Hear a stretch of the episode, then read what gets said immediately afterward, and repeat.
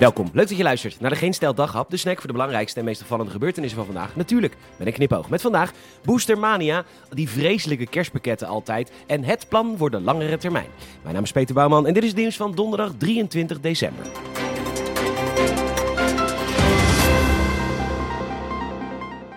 Zo, 1, 1, 2...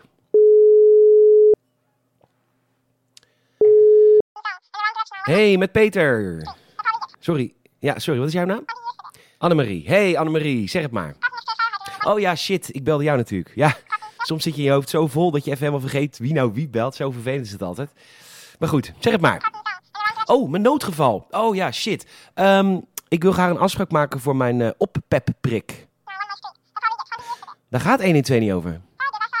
Ja, nou luister Annemarie. Ik ga dus 2 januari naar Oostenrijk en dan is zo'n derde prik dus verplicht.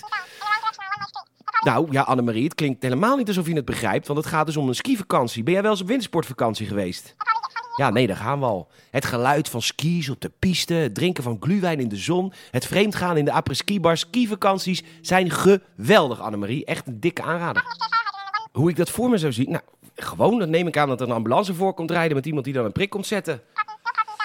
Ja, Annemarie, ik heb nog nooit in mijn hele leven een ambulance gebeld. Ik ben nog nooit opgenomen geweest in een ziekenhuis. En ik betaal mijn hele leven om de pleuren en zorgkosten. Annemarie? Annemarie? Het is natuurlijk een heerlijke tijd. Kerst vieren met bijna niemand. Geen drankje in de kroeg en natuurlijk de kerstpakketten. Nou, ook in de stad van Hoop doen ze eraan. Want de 6000 medewerkers van het OLVG ziekenhuis kregen een prachtig pakket. Gezeik dat erover is. Bijna niemand is er blij mee. Natuurlijk wordt corona ook direct van stal gehaald. We hebben zo hard gewerkt. Dit voelt als een belediging. Dat is een quote. Nog één. Is dit waar we al anderhalf jaar voor keihard aan het werk zijn? Ja, en ik durf hier dus bijna niks over te zeggen, want dan stoppen er gelijk weer tientallen zorgmedewerkers omdat ik het niet met ze eens ben. En dan krijg ik de schuld. Maar volgens mij is een kerstpakket een leuk extraatje, toch? Of kun je in een zorg een minimaal bedrag voor een kerstpakket uit onderhandelen? Lijkt me niet, hadden er wel meer mensen gewerkt. En was het echt zo'n vervelend pakket? Nou, bij het parool staat een foto, een lekkere warme sjaal. Heerlijk, een warme muts, dat is toch fijn? Weet je hoe koud het eerste kerstdag is als jij om 8 uur s ochtends de deur uit moet om de COVID-afdeling te runnen? Leuke stenciltjes, kun je leuke tekstjes op je muur schrijven. Je woont in Amsterdam, dus waarschijnlijk iets van... in dit huis hebben we plezier, maken we fouten en zeggen we sorry. Ach, zo ludiek en altijd zulke leuke mensen die zo'n bord in huis hebben. Nou, en dan sluiten we het pakket af met chocola of chocolademelk van het merk Torras. Dat is wel echt een tegengoedkoop B-merk trouwens. En het spelletje Jenga, maar dan niet van het merk Jenga, maar van het B-merk Senza. Ja, ik vind het best een leuk pakket en bovendien, het gaat erom dat je wat krijgt.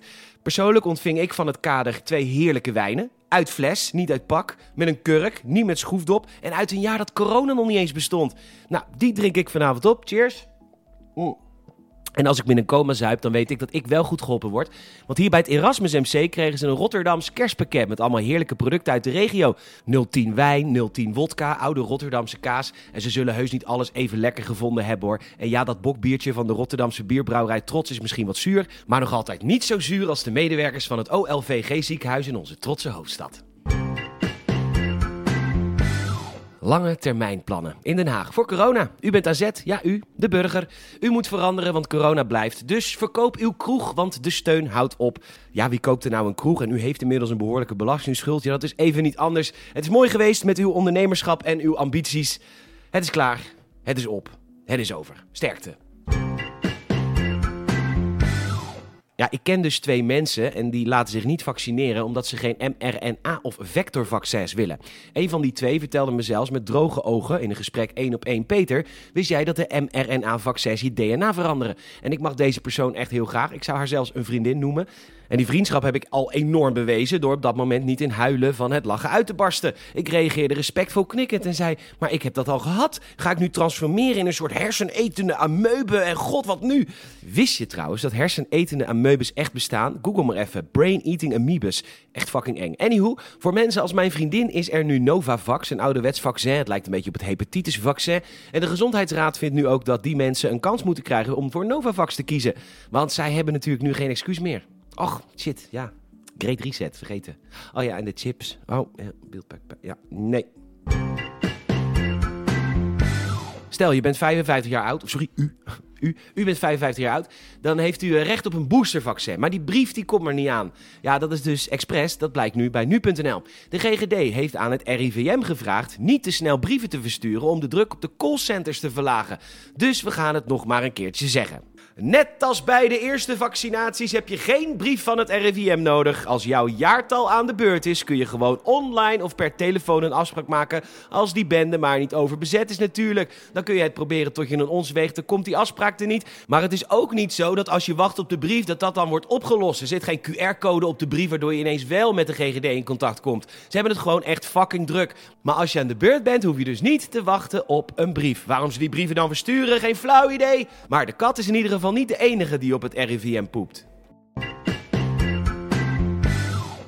Bedankt voor het luisteren. Je zou ze enorm helpen als je een vriend of vriendin of familielid vertelt over deze podcast. Je kan tegenwoordig ook een rating geven in Spotify. Ik kon dat nog niet vinden, maar kreeg van luisteraar een tip. Update even Spotify, dan kun je ook podcast raten. En dat kan ook in Apple Podcast. 5 sterren alsjeblieft, zou je ons enorm mee helpen. Nogmaals bedankt voor het luisteren en tot morgen.